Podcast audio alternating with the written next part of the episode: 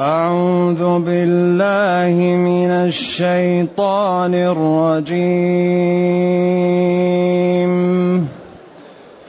قل يا عبادي الذين أسرفوا على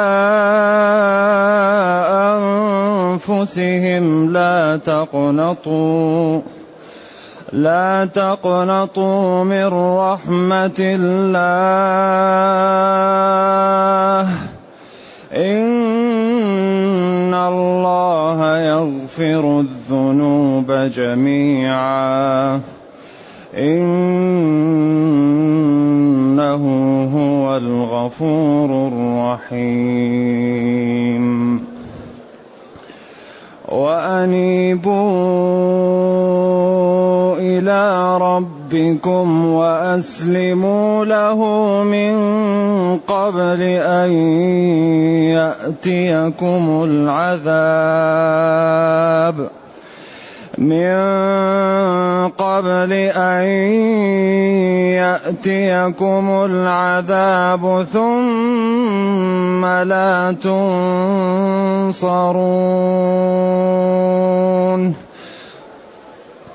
واتبعوا أحسن ما أنزل إليكم من ربكم. من قبل أن يأتيكم العذاب بغتة.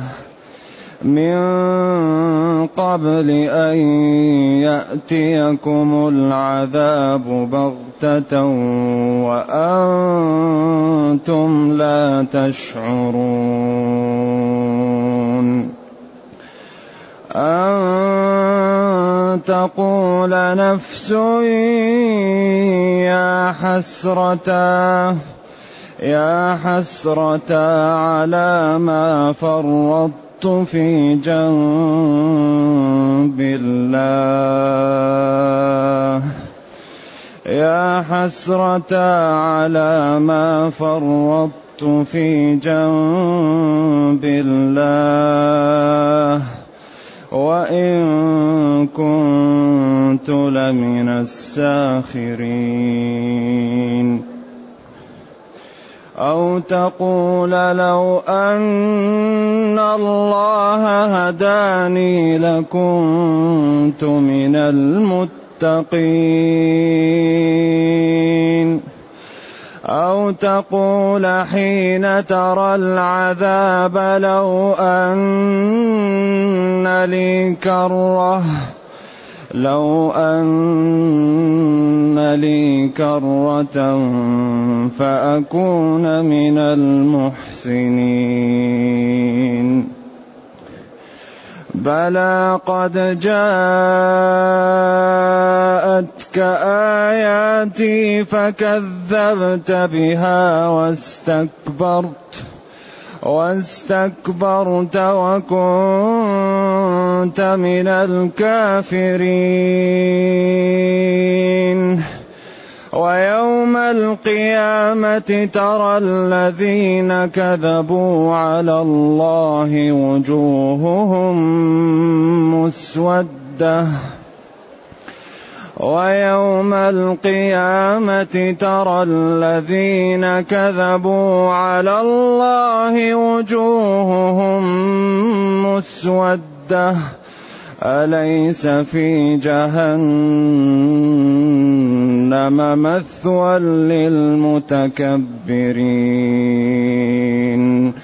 وينجي الله الذين اتقوا بمفازتهم لا يمسهم السوء. لا يمسهم السوء ولا هم يحزنون. ولا هم يحزنون. الله خالق كل شيء وهو على كل شيء وكيل. له مقاليد السماوات والأرض والذين كفروا بآيات الله أولئك أولئك هم الخاسرون. قل افغير الله تامروني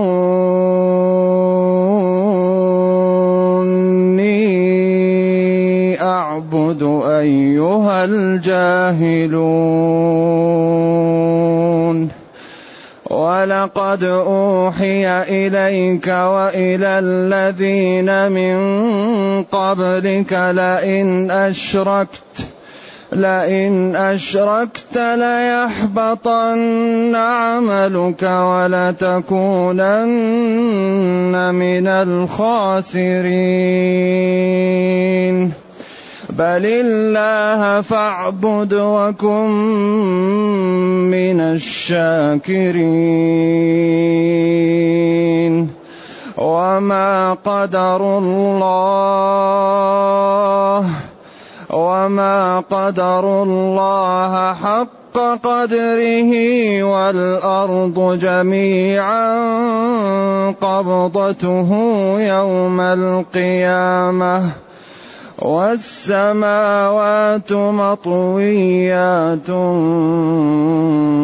بيمينه والسماوات مطويات بيمينه سبحانه وتعالى سبحانه وتعالى عما يشركون.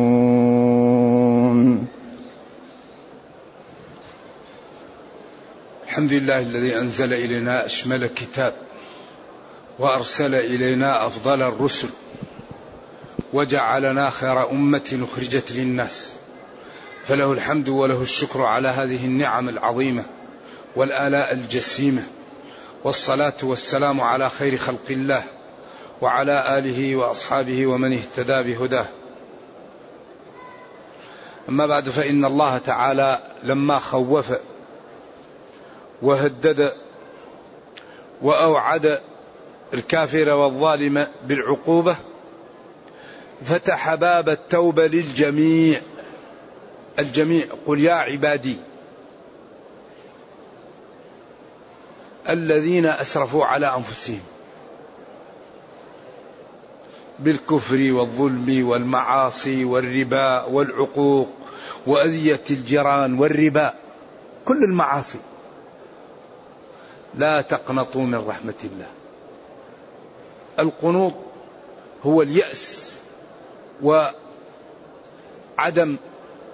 طمع الإنسان في الشيء. إن الله يغفر الذنوب جميعا. إنه جل وعلا هو الغفور الرحيم. كثير المغفرة والرحمة لعباده وأنيبوا إلى ربكم.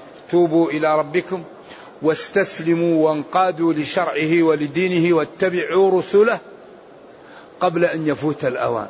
قبل أن يأتيكم العذاب ثم بعد إتيان العذاب لا تنصرون لا تمنعون ولا تعانون على الإنقاذ من ذلك.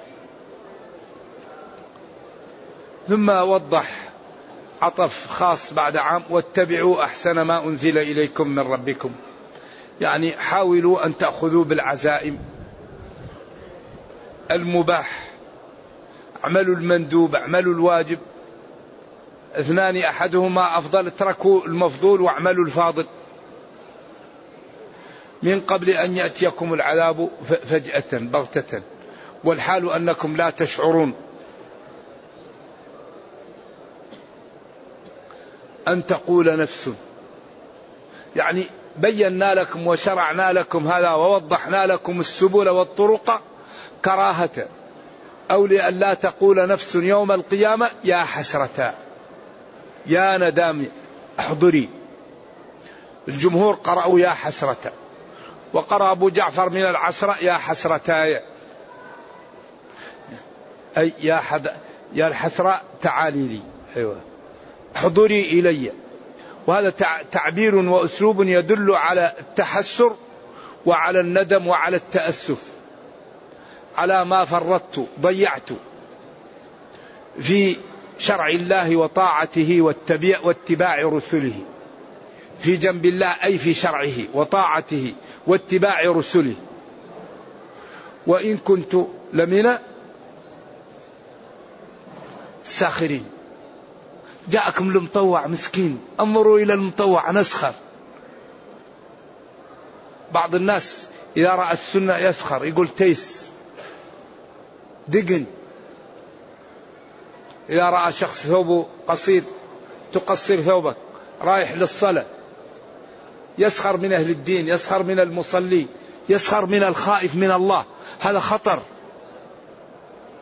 إن تسخروا منا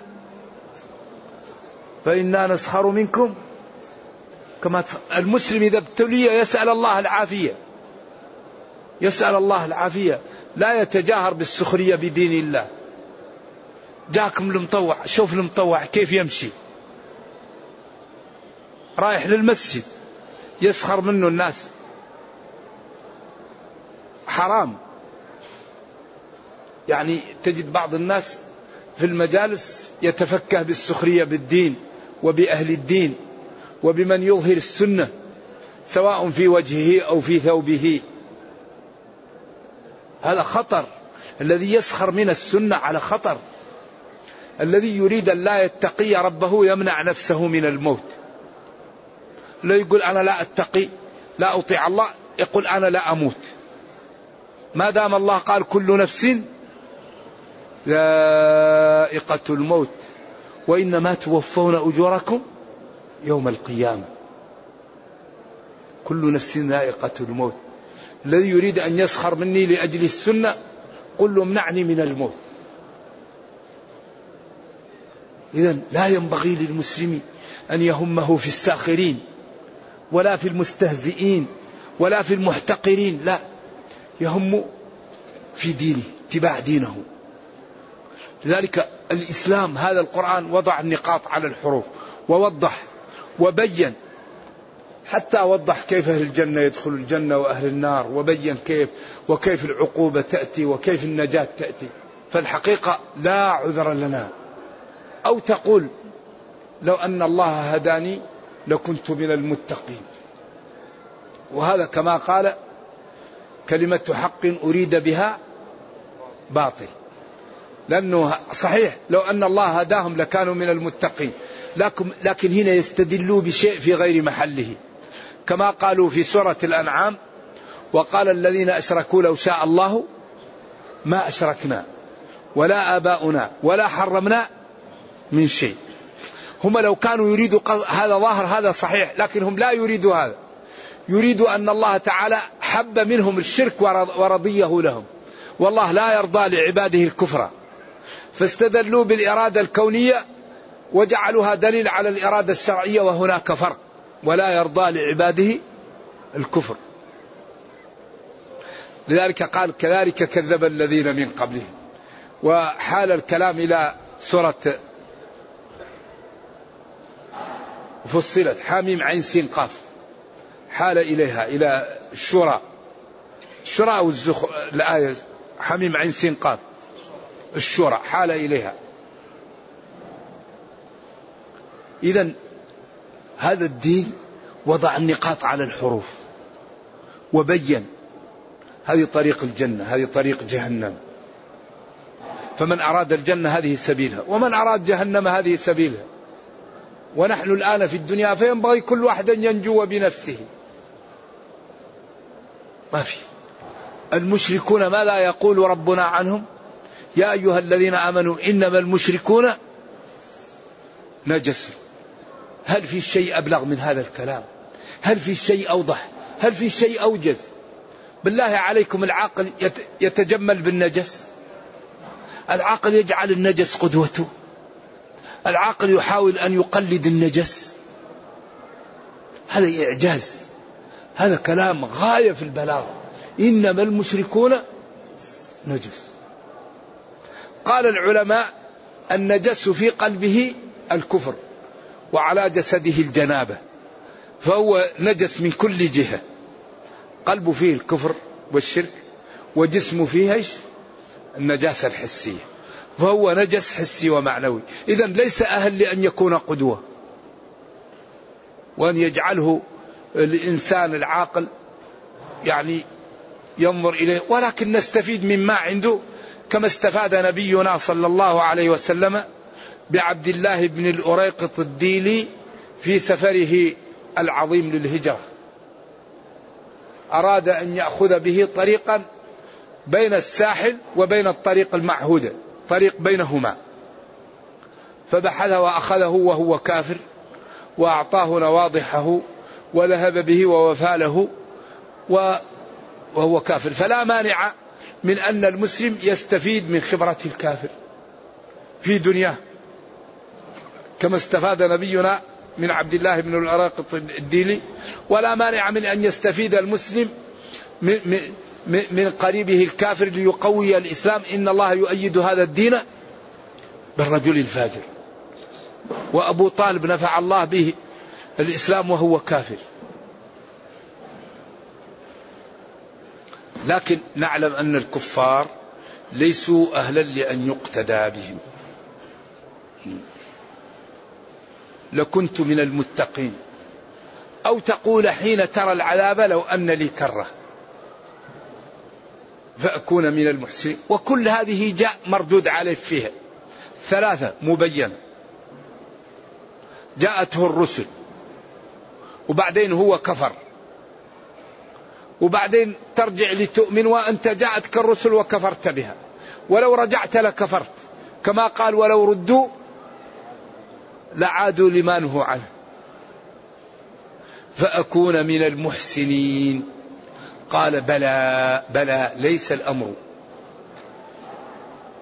كما زعمت. وبلى يرد بها المنفي. قالوا والأسلوب ما فيه منفي. كيف أتى ببلاء؟ قالوا لأن لو هنا كأن فيها نفي. لو أن الله هداني. يكأنه يقول ما هداني الله. بلى الله أرسل لك الرسل وبين لك ولكن أنت اخترت الكفر. إذا لو أن الله هداني فيها معنى النفي لذلك جاء الرد ببلاء التي تأتي للنفي. أو لو أن الله هداني كأنه يقول ما هداني لم يهدني الله. بلى هداك وجاءتك آياته ولكنك لم تقبل. بلى ليس الأمر كما تدعي. جاءتك آياتي براهيني وحججي فكذبت بها. كذبت قلت ما ما أنزل الله على بشر من شيء واستكبرت. أم أنا خير من هذا لولا أنزل هذا القرآن على رجل من القريتين عظيم. واستكبرت. طلبت التكبر وابتعدت.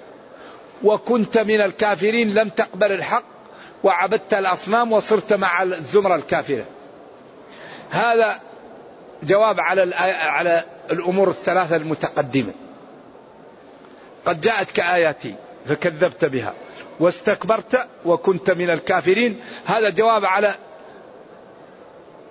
الآيات. الآن بلى قد أول. لو أن لي لو أن الله هداني لكنت من المتقين. أو تقول حين ترى العذاب لو أن لي كرة فأكون وقبلها قبلها يا حسرة على ما فرطت في جنب الله. كذبت واستكبرت وكنت من الكافرين. هذا لف ونشر مشوش. ما هو مرتب؟ لأنه لو رتب لفات بعض بعض الفوائد في هذا الأسلوب العجيب الذي هو غاية في الجمال والحسن. لذلك هذا القرآن ماسح للكفر. لا بد أن ننقذ البشرية. إذا لم ننقذ نحن البشرية و و و وننزعها من الكفر والضلال أين الأمة التي هي يعني مهيئة لإنقاذ العالم إلا الأمة المسلمة؟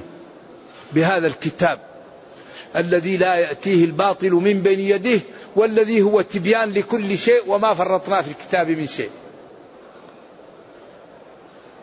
ويوم القيامة واذكر يا نبي يوم القيامة ترى الذين كذبوا على الله كفروا به ونسبوا له الولد والصاحبة. وجوههم مسودة. وجوههم مسودة.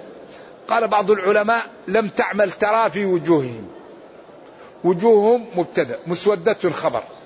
فإذا قلنا ترى بصرية فتكون الجملة حالية.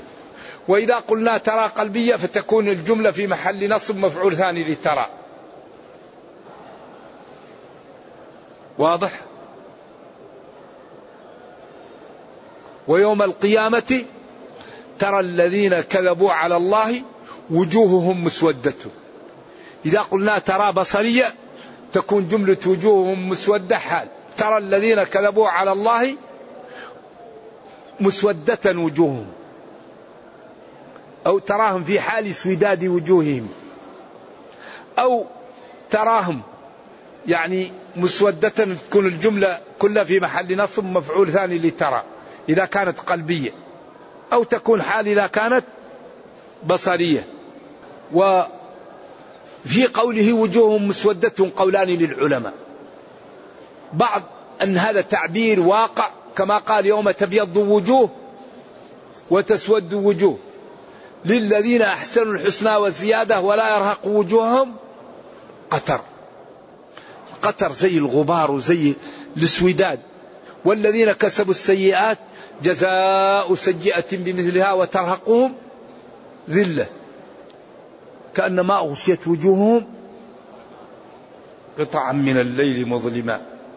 وبعضهم قال لا هذا تعبير عن الخذلان وعن الانكسار والندم الذي يحصل لهم فيغشي الوجوه لما يقع لهم من الكآبة والألم. نرجو الله السلام والعافية. ولذلك يقال بيض فلان وجوهنا بمعنى عمل عملا جميلا وسوجها وجوه قومه لأنه عمل عملا يعني خسيس دني فهذا. إذا يمكن أن يكون على بابه ويمكن أن يكون توسعا في العبارة. ترى الذين كذبوا على الله نسبوا له الصاحب والولد وجوههم مسودة. أعوذ بالله كالحة كئيبة. عليها الحزن والألم وآثار أعوذ بالله الذل. أليس في جهنم مثوى للمتكبرين؟ وكأن الكلام ويوم القيامة ترى الذين تكبروا على الله وكفروا به. آثارهم آثار ذلك واضحة عليهم. وفي جهنم مثوى ومنزلا لهؤلاء ومن جملة هؤلاء من وصفناهم إذا فهم من أهل جهنم. ولكن جاء بهذا التعبير الذي يشملهم ويشمل من كان على شاكلتهم. أليس في جهنم مثوى للمتكبرين؟ التكبر هو بطر الحق وغمط الناس. احتقار الناس وعدم قبول الحق هذا هو التكبر.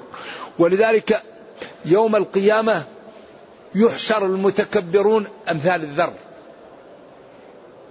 فلا نقيم لهم يوم القيامة وزنا. لا وزن لهم لأنهم هؤلاء المتكبرون يوم القيامة لا قيمة لهم. واحد كبير وطويل وعريض لكن تكبر ولم يقبل فلا وزن له. وذلك قال نبينا لعبد الله بن مسعود قال لما رأه قال عمر كنيف ملئ علما يقصد بن مسعود. كان نحيفا ناحلا.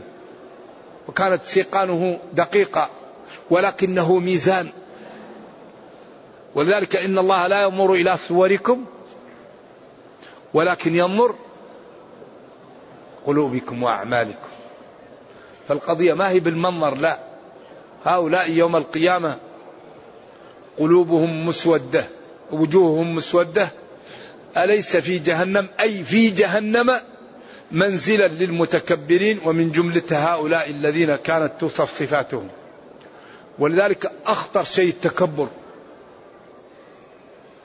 ثاني يتكبر لا يقبل الحق. يتكبر عن الضعاف. ولذلك نبينا صلى الله عليه وسلم قال له ربه واصبر نفسك مع الذين يدعون ربهم بالغداة والعشي يريدون وجهه ولا تعد عيناك عنهم تريد زينة الحياة الدنيا. ولا تطع من أغفلنا قلبه عن ذكرنا واتبع هواه وكان أمره فرطا وقل الحق من ربكم فمن شاء فليؤمن ومن شاء فليكفر. من كفر إنا أعتدنا للظالمين نارا. ولذلك ينبغي للعاقل أن يعلم بدايته ونهايته وهو بين ذلك ما لا يحمل في بطنه. إذا لماذا يتكبر؟ بدايته ماذا نطفة ونهايته ميتة. وهو بين ذلك يحمل ما لا يخفى عليكم. إذا لما يتكبر؟ ولكن يشكر ربه ويمتثل أوامره ويجتنب نواهيه ويرفق بخلق الله. يرفق بخلق الله لا يتكبر على خلق الله فإن الله هو الذي أغناه وجمله وأعطاه المال والجاه فيشكر الله ويساعد خلق الله ولا يكن نعم الله سبب في إيش؟ في التعالي على خلق الله، لا ينبغي هذا ابدا. الناس كلهم سواء. أكرمهم عند الله أتقاهم. إن أكرمكم عند الله أتقاكم. بوهم آدم والأم حواء. فإن يكن في أصلهم شرف يفاخرون به فالطين والماء. فلذلك قال ترى الذين كذبوا على الله وجوههم مسودة عياذا بالله. أليس في جهنم مثوى للمتكبرين؟ هذا استفهام ولكن هو إثبات. في جهنم مثوى لهم للمتكبرين وأنتم منهم. ثم بين الشريحة الأخرى التي ينبغي أن نجتهد لنكون من أهلها وينجي الله. نجاه ينجيه تنجية ونجاة إذا أبعده عما يخاف منه. الذين اتقوا ربهم واتقوا الشرك والمعاصي بمفازتهم أو بمفازاتهم. كساداتنا أو سادتنا. بمفازتهم بفوزهم. وينجي الله الذين اتقوا بسبب عملهم الصالح أو بمنزلتهم وطاعتهم التي عملوها.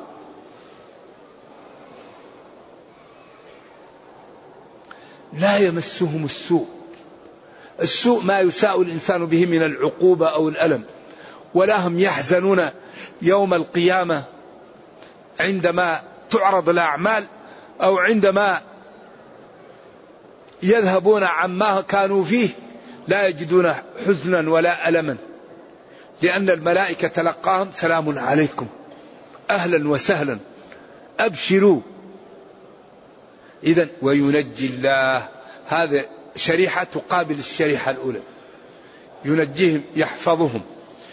ويبعدهم عن السوء. الذين اتقوا ربهم. صاموا. صلوا تصدقوا أكرموا والديهم أكرموا جيرانهم ابتعدوا عن الربا عن الرياء عن النميمة عن الغيبة عن الكذب عن الوشاية عن الوقوع في أعراض الناس فوزهم. تقوا تقوا الله. بدل من أن يباشروا اللعب باشروا الطاعات. بدل أن يقعوا في أعراض الناس أنقذوا الناس داووا المرضى أصلحوا ذات البين أنفقوا على الأيتام ساعدوا الرميلات بمفازتهم بعملهم الصالح. شغل في الخير. هذه الشريحة شغلها في اللعب. لا يصلون ولا يطعمون الطعام ولا ينفقون على اليتيم ويخوضون مع الخائضين ويسخرون من المتقين. إذا دخلوا جهنم. وهؤلاء يصلون ويخشعون و, و, و يبتعدون عن اللغو وعن ضياع الوقت بمفازتهم بفوزهم. لا يعمل إلا للرفع من مستواه دينا أو دنيا. هؤلاء يوم القيامة هم أصحاب المنازل العالية هم أصحاب التغابن هم الذين يكونون في منازل عالية. هم الذين ينالون السعادة. أما الذي لا يبالي هؤلاء هم الذين في خطر. لا يمسهم السوء ولا هم يحزنون. لا يحزنون على أولاد ولا على مال ولا على خوف هول لا. يأتيهم عملهم يطمئنهم. الله خالق كل شيء. الله لا غيره. خالق كل شيء. وهو على كل شيء حافظ لكل شيء. إذا من هذه قدرته ينبغي أن أن أن يطاع فلا يعصى. وأن يشكر فلا يكفر. وأن يذكر فلا ينسى. خالق كل شيء.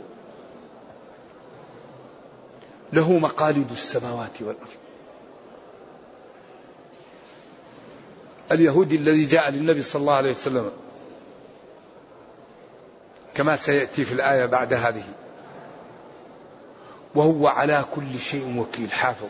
له لا لغيره مقاليد مفاتيح السماوات والأرض. ينزل المطر ينبت يغني هذا يفقر هذا يحيي هذا يميت هذا يذل يعز.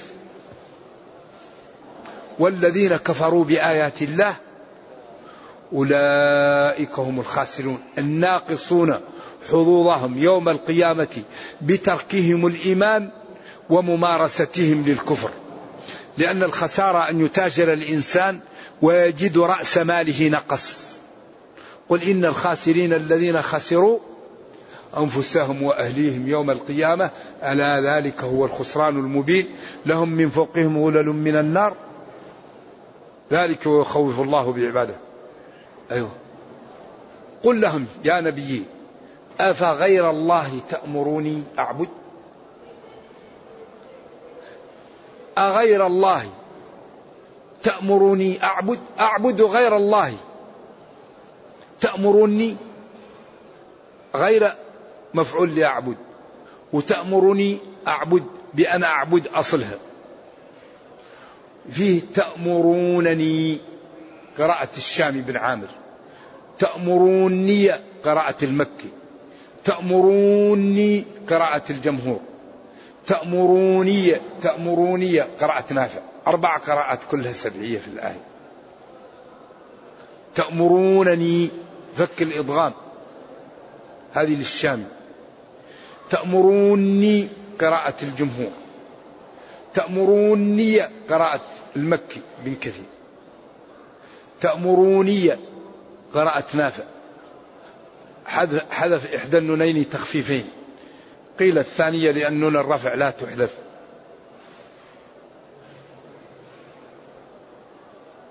إذا قال لهم نبيهم أغير الله تأمرني أن أعبد أيها الجاهلون؟ أعبد غير الله أيها الجاهلون؟ لأن الأمر بعبادة غير الله جهل. ولقد أوحي إليك يا نبي وإلى الذين من قبلك لئن أشركت ليحبطن عملك. قال العلماء هذا من باب الفرض كما قال ولو تقول علينا لأخذنا منه. وقال لو كان فيهما آلهة إلا الله لفسدتا فلم تفسدا فليس فيهما آلهة إلا الله. وقال قل إن كان للرحمن ولد فأنا أول العابدين على ما قال بعض المفسرين وإن كان مرجوحا. أي لم يكن لله ولد فأنا أول العابدين لله على أن لا ولد له أو فأنا أول الآنفين المستنكفين من نسبة الولد لله على ما قال العلماء. إذا لئن أشركت ليحبطن عملك. وقيل هذا خطاب للنبي صلى الله عليه وسلم والمقصود الأمة. وقيل ما دام خطب بذلك فمن باب أحرى غيره. أي إنسان يشرك يحبط عمله ولكن الرسل معصومة من, من, من الذنوب. ما تعصي. قال تعالى فما ما أتاكم الرسول فخذوه. ما ينطق عن الهوى. قال له أكتم منك في حالة الغضب والرضا. قال اكتب فلا يخرج من فيه إلا حقا. ولكن إذا تعبد بالاجتهاد صلوات الله وسلامه عليه وكان اجتهاده خلاف الأولى بين له ذلك. كما قال له لما أذنت لهم؟ وقال ما كان لنبي أن يكون له أسرى حتى يثخن في الأرض. فإذا تعبد بالاجتهاد صلوات الله وسلامه عليه واجتهد وكان اجتهاده خلاف الأولى جاء وبين له أن هذا الاجتهاد كان أولى منه هذا. على أقوال للعلماء في ذلك وهذا أظهرها بدليل لما أذنت لهم وبدليل عبس وتولى أن جاءه الأعمى وما يدريك لعله يزكى أو يذكر. لم تحرم ما أحل الله لك؟ تبتغي مرضاة أزواجك. على أصح الأقاويل أنه تعبد بالاجتهاد في ذلك فلما اجتهد بين له ربه أن الأولى من هذا الاجتهاد كان كذا. وهو في ذلك مأجور. نعم. لئن أشركت ليحبطن عمله إذا اتفق العلماء على أن من أشرك ومات على الشرك حبط عمله. واختلفوا في من أشرك وتاب من الشرك. فقالت جلة من العلماء منها مالك حبط عمله. وقالت الشافعية وجلة من العلماء لم يحبط عمله ورجع له. ولذلك اختلفوا في من ارتد وقد حج حجة الإسلام. ثم رجع للإسلام. هل يلزمه الحج؟ حجة الإسلام أو لا يلزمه؟ عند الشافعي لا يلزمه وعند مالك يلزمه. لأن الكفر محبط للعمل. ولذلك الكفر ناقض للوضوء. لأن الوضوء عمل فإذا كفر الإنسان انتقض وضوءه.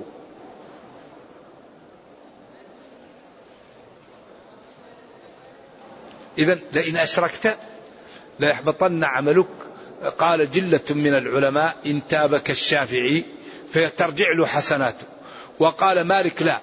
إن تاب يفتح صفحة جديدة يعمل حسنات. أما كل ما كان قبل الكفر يمسح. لأنه قال أيوة.